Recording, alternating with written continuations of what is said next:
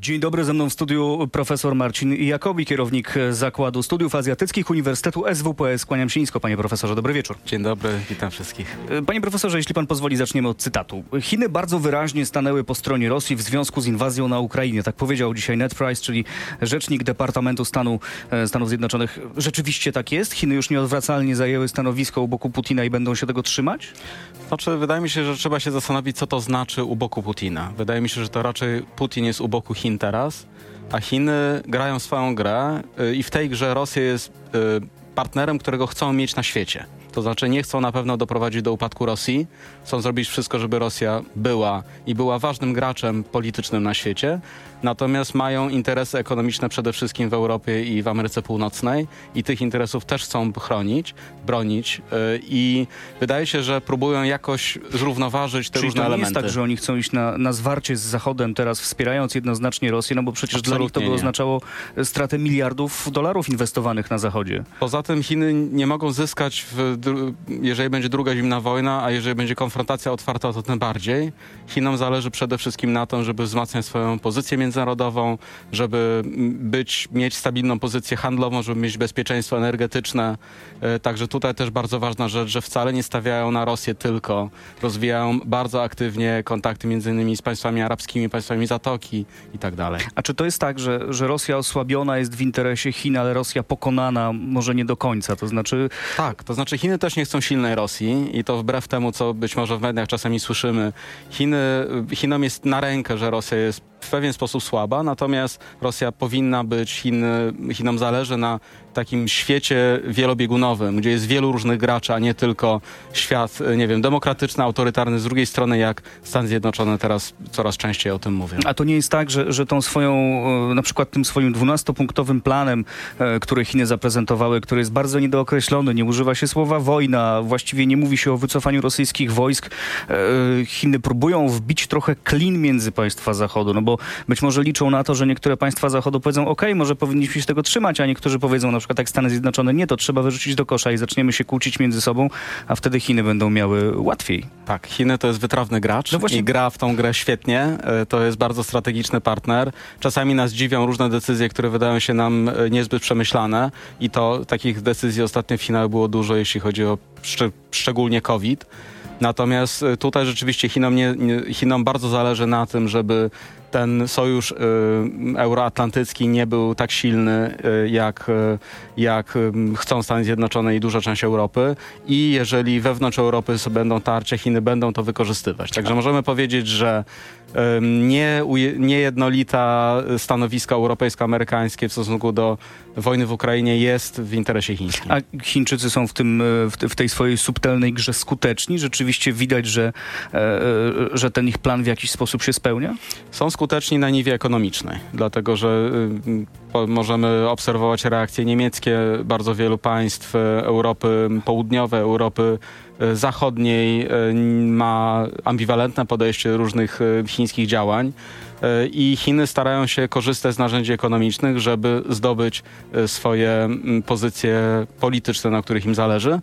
Y, Ale narzędzia ekonomiczne to jest oczywiście nie wszystko i teraz się okazuje, że jednak ideologia po wszystkich stronach tej skomplikowanej układanki staje się coraz ważniejsza. To jeszcze jedna teza, e, którą chciałbym postawić. Chińczykom zależy na długim konflikcie, który by destabilizował Europę i w tym momencie Nie. i w ten sposób ułatwiał im e, prowadzenie swoich interesów, czy Wydaje mi się, że nie. Wydaje mi się, że konflikt nie jest w interesie chińskim. Wydaje mi się, że Chiny dały wielokrotnie taki sygnał subtelny, ale wyraźny, że są bardzo zirytowane tym, co się dzieje w Ukrainie i tym, że Rosja nie jest w stanie tego konfliktu zakończyć.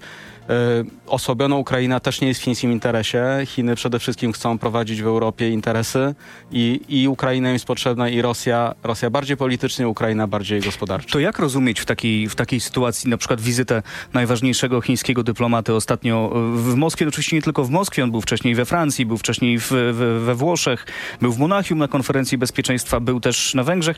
No ale jak rozumieć tą wizytę, e, wizytę w, Peki, w, Moskwie, no i na przykład takie zapowiedzi, że być może w Moskwie za jakiś czas pojawi się Xi Jinping na przykład na Dzień Zwycięstwa e, e, rosyjski, czyli no, najważniejsza chyba data w rosyjskim propagandowym kalendarzu. Tak. Czy to będzie dyscyplinowanie Moskwy i, i naciskanie ich, żeby oni jednak skończyli? Mam nadzieję, że trochę tak. Natomiast to jest też pokazanie, że Chiny grają w grę polityczną na swoich własnych zasadach i nie będą wchodzić w tą narrację amerykańsko-europejską, którą my budujemy, w którą my wierzymy, że mamy złą Rosję, bezbronną Ukrainę, której trzeba chronić po to, żeby chronić demokrację. Chiny mają zupełnie inne podejście do tego. Uważają, że w dużej mierze konflikt został sprowokowany działaniami Stanów Zjednoczonych, NATO, obecnością bardzo silną w Ukrainie. Uważają, że Rosja ma prawo do tego, żeby jak gdyby chronić swoją, swojej, swoją strefę wpływu. My Czyli- możemy się z tym nie Czy, zgadzać. czyli jakby pod tym kątem tutaj rzeczywiście ten, e, ten, to stanowisko jest jednoznaczne ze stanowiskiem e, Moskwy. To nie jest udawanie. To nie, moim zdaniem to nie jest udawanie. Y, Chiny uważają, że tak jak one chcą mieć państwa buforowe, takie jak Korea Północna, tak Rosja powinna mieć pewną taką strefę, która jest wolna od silnych amerykańsko-europejskich wpływów i tak mi się wydawało, że będzie w Ukrainie. Y, Także mm, wydaje mi się, że y, ta bliskie kontakty i to, że Xi Jinping również z Putinem ewidentnie się dobrze dogadują i jako osoby też, bo tutaj też trzeba pamiętać o tym czynniku ludzkim, to powoduje, że y, Chiny no, nie, nie będą, że tak powiem, e, słuchać tego, co my mamy do powiedzenia i działać tak, jak my uważamy, że byłoby najlepiej. A spodziewa się pan, że w którymś momencie rzeczywiście Chińczycy w jakiś sposób e, będą sprzedawać albo udostępniać Rosjanom broń? Mówi się o, e, o dronach e, kamikadze, mówi się o pociskach artyleryjskich, mówi o środkach ochrony. To jest możliwe? Bo Amerykanie mówią, że tak, że rozmowy trwają i przestrzegają, grożą palcem. Nie róbcie tego. Nie wiem skąd są te informacje, y, też je widziałem. Y, Wydaje mi się, że to są informacje płynące ze strony amerykańskiej. Ja bym był raczej ostrożny. Wydaje mi się, że to jest zupełnie wbrew interesom chińskim. Chiny do tej pory próbowały bardzo trudno balansować na granicy pomiędzy właśnie y, jakimś tam wspieraniem Rosji na, na niwie dyplomatycznej i nie narażaniem się Zachodowi sankcjami gospodarczymi i, i jeszcze do tego możemy dodać inne kwestie, to znaczy kwestia na przykład rywalizacji technologicznej ze Stanami Zjednoczonymi. Chiny są w bardzo trudnej sytuacji i naprawdę boją się tego, że Stany Zjednoczone jeszcze mocniej uderzą, a do tej pory uderzały w Chiny bardzo wyraźnie y, na niwie technologicznej. No i nie chcą dawać im kolejnych argumentów, rozumiem, Dokładnie tak. rozumiem Stanom Zjednoczonym. A takie dostawy broni, no wydawałoby się, że, że Chińczycy mogliby dać argumenty Stanom do jeszcze większego dokręcenia Tak, no i śruby. przypomnijmy sobie te inne opowieści. Podobno Korea Północna miała dostarczać e, Rosji broń, żołnierzy, przecież były opowieści o 100 tysiącach Tak, żo- żołnierzy. No i co się z tym stało? Ja bym raczej na razie to włożył między bajki. Oczywiście możemy być zaskoczeni, ale jeżeli Chiny w jakikolwiek sposób będą wspierać Rosję, wydaje mi się, że będą to robić naokoło i bardzo, bardzo, e, można powiedzieć, pokryjomo. O tym e, tańcu, dyplomatycznym tańcu na linie chińskim zresztą, rozmawiamy cały czas w naszym radiu internetowym RMF24 w naszych, na naszych stronach w sieci. Również moim gościem, przyko- przypominam, jest profesor Marcin Jakobi. Zapraszamy na dalszą część naszej rozmowy. Panie profesorze, jeszcze do tego planu wracając. Mogę? E, proszę bardzo. Po- To niech mi wracając- pan powie, kiedy już będą... już jedziemy, już jesteśmy na antenie, proszę się spokojnie napić i e, odświeżyć i, i, i lecimy dalej. Panie profesorze, wracając do tego planu, 12-punktowego planu, krytykowanego przez wielu, no ale na przykład nie do końca krytykowanego przez Wołodymira Zełenskiego, który z dużą ostrożnością podszedł do tego planu, nawet po raz kolejny sugerował, że trzeba się z Chińczykami spotkać i pogadać na ten temat. To jest możliwe? Widzi pan takie spotkanie Xi Jinping, Wołodymir Zełenski? Tak, to znaczy Xi Jinping do tej pory udaje, że Ukrainy nie ma.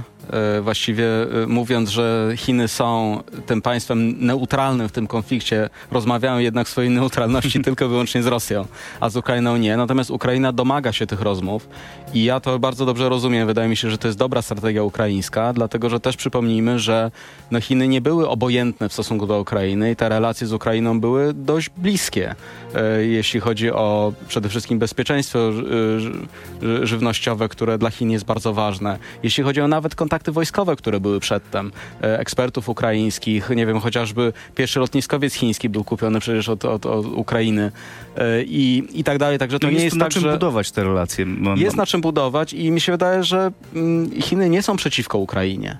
Natomiast Ukraina jest mniej ważna dla nich w tej grze, w której są, niż Rosja. I dlatego, że tak powiem, cały wysiłek dyplomatyczny jest skierowany na to, żeby w jakiś sposób pokazać, że Chiny tej Rosji nie opuszczają. Mówił pan przed chwilą też o tym takim mniej oficjalnym, bardziej zakulisowym wsparciu dla, e, dla Moskwy ze strony Pekina. Na czym ono by mogło polegać? No bo jeżeli nie dostawy broni, jeżeli nie e, wsparcie jakieś finansowe, no to co? No to co? Znaczy to, co teraz się dzieje, to jest e, zwiększenie i, i plany dalsze dotyczące zakupu i zarówno gazu, jak i ropy naftowej, co jest dla Chin dobre, bo dostają ten sam produkt dużo taniej. A, a nie będzie takiej sytuacji, przepraszam, bo ja się zastanawiam, bo nie kusi Xi Jinpinga, żeby powiedzieć, ok, i tak nie macie komu sprzedawać, więc sprzedajcie nam jeszcze taniej i jeszcze Oczywiście, taniej. że tak. Chiny to jest naród i cywilizacja kupców. To są świetni biznesmeni.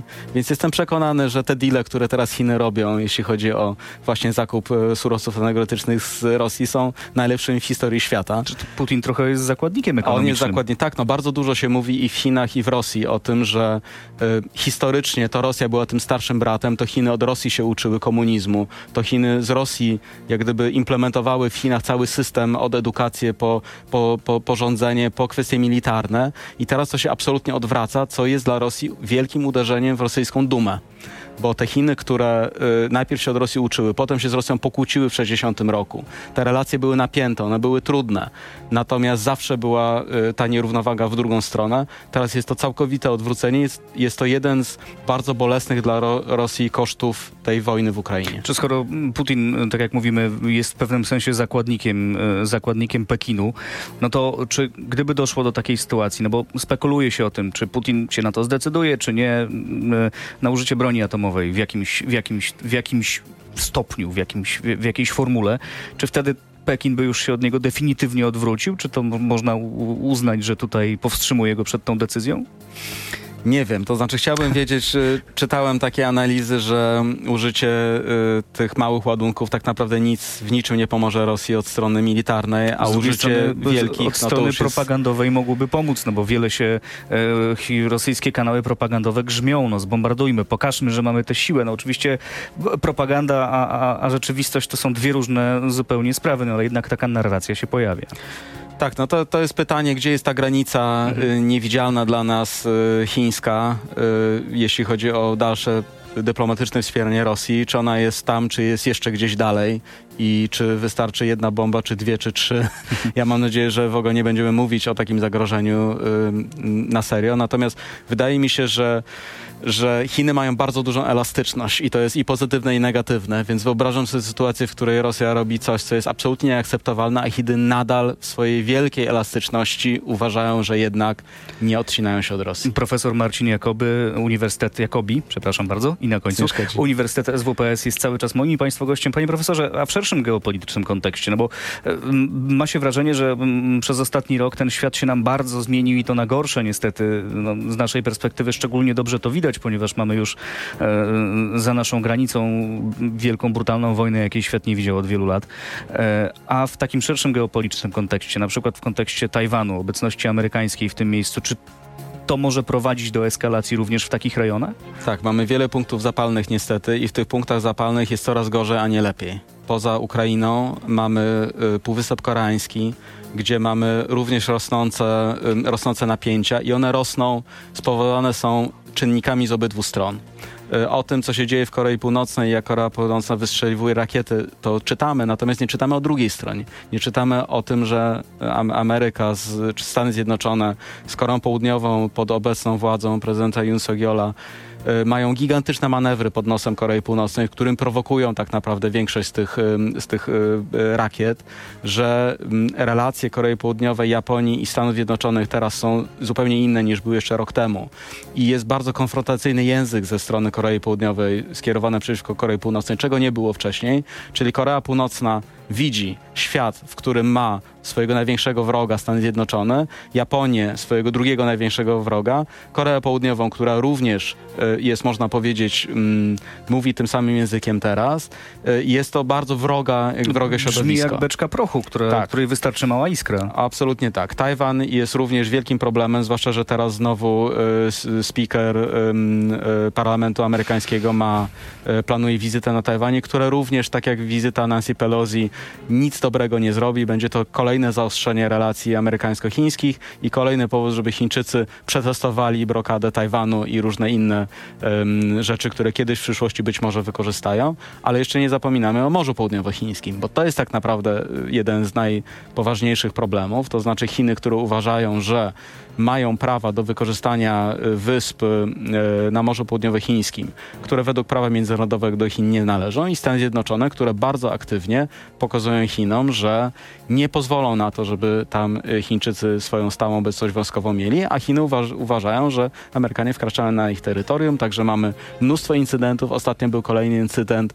amerykańskiego jednostki zwiadowczej de facto, którą w bardzo bliskiej odległości okrążył myśliwiec chiński a przedtem już mieliśmy taki incydent, kiedy te dwie jednostki się zderzyły i Amerykanie musieli awaryjnie lądować w Chinach. To wygląda na to, że Amerykanie tutaj też wcale nie siedzą spokojnie, tylko, tylko sami nie. starają się również pokazać, że oni tutaj są i, i też... Amerykanie działają bardzo konfrontacyjnie i to musimy jasno powiedzieć. E, można powiedzieć, że wręcz w niektórych momentach prowokują y, Chińczyków do działania, więc te relacje są bardzo, bardzo napięte. A do czego to może doprowadzić? To znaczy, no, ja jestem w stanie jednak założyć w jakimś stopniu, że i jedna i druga strona zdaje sobie sprawę, że konfrontacja militarna byłaby no, czymś tak niebezpiecznym, że za wszelką cenę trzeba to uniknąć. Czy to, y, czy to, czy to rzeczywiście yy, takie ryzyko, te, te incydenty, o których mówimy, to prowokowanie jednej drugiej strony yy, może do czegoś takiego doprowadzić? Czy czy raczej ta jedna i druga strona robi to wiedząc, że, e, że, że gdyby do czegoś doszło, to się jakoś dogadamy? Trochę, trochę zakręciłem temat, ale rozumiem pana, co chodzi. Tak, znaczy ja dość pesymistycznie teraz patrzę na sytuację, dlatego że Chiny na pewno nie dążą do konfliktu ze Stanami Zjednoczonymi, ponieważ Stany Zjednoczone nadal militarnie są dużo silniejsze od Chin. Więc w interesie chińskim jest, żeby do żadnego konfliktu nie dochodziło. Natomiast nie jestem przekonany, czy również jest to w interesie amerykańskim. Słyszałem o tym, że niestety te gremia wojskowe, które, mm, którym zależy na ograniczonym terytorialnie konflikcie z Chinami mają bardzo, coraz więcej do powiedzenia w Waszyngtonie. Jest to bardzo niepokojące. Ale taki konflikt może się bardzo łatwo wymknąć spod No kontroli. więc o to chodzi. O to chodzi. Znaczy to jest jak gdyby dyskurs jest taki, że Chiny będą coraz silniejsze, więc jak mamy uderzyć, to uderzajmy teraz i pokażmy im, kto jest silny, bo później będzie coraz trudniej. Jest to, no, można powiedzieć, coś, co, co, co jest absolutnym horrorem, więc mam nadzieję, że do tego nigdy nie dojdzie, ale, ale rzeczywiście ze strony amerykańskiej mamy bardzo konfrontacyjny język i działanie, ze strony chińskiej mamy mamy pewne uniki, natomiast Chiny się zbroją, Chiny wzmacniają swoje możliwości militarne, więc tego oczywiście też nie możemy No i również zaprzeczyć. gospodarczo bardzo szybko rosną. Tego może się chyba, e, tego może się administracja Stanów Zjednoczonych jednak obawiać, że, że ten... Tego się bardzo boi, natomiast tutaj mamy z kolei wielki problem chiński, ponieważ ta polityka antykowidowa przez trzy lata, która trwała, powoduje, że Chiny w tym roku będą bardzo dynamicznie rosnąć, natomiast w 2024 roku prawdopodobnie gospodarka chińska będzie znowu siadać i to jest zła informacja dla Chin, ale tak naprawdę globalnie, to, ponieważ mhm. teraz ten wzrost chiński po, po, po otwarciu covidowym jest wzrostem o 1,5 procent PKB poszczególnych krajów, które z Chinami handlują, więc to jest po prostu gigantyczna różnica. Chiny są tak potężnym partnerem gospodarczym, że problemy ekonomiczne Chin będą problemami ekonomicznymi świata tak naprawdę, Polski również. No tak, no, rezonować będą również na nas. My możemy sobie myśleć, że Chiny są bardzo daleko, ale przecież każdy wstrząs tam może powodować wstrząsy wtórne u nas e, tak, i taka, w Europie tak, na przykład. I, I, taka dyskusja, bo to też czasami słyszę o tym, że ktoś mówi, to walnijmy w te Chiny, od, odetnijmy się gospodarczo od Chin, nie handlujmy z nimi. Da to się są, to zrobić? To są się nie da tego zrobić. Znaczy absolutnie nie. Znaczy świat jest tak powiązany i oczywiście decoupling następuje, oczywiście deglobalizacja następuje, ale to są procesy, które będą trwały kilkadziesiąt lat.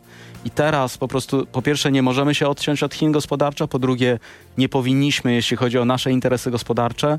Po trzecie, mm, no, spojrzmy na inne państwa. Stany Zjednoczone również się od Chin gospodarczo wcale nie odcinają. No tak, wprowadzają sankcje na konkretne podmioty. Tam, ale, gdzie im jest to wygodne, tam, gdzie, jest tam, gdzie nie utrzymują relacji. No właśnie, czy, jaki jest ten stan tych relacji gospodarczych chińsko-amerykańskich? Bo jeżeli spojrzymy tylko na te takie komunikaty e, wydawane na przykład przez Amerykanów, to może się wydawać, że oni już praktycznie zaczynają się właśnie odcinać, ale tak, tak nie jest. To jest też swego rodzaju propaganda.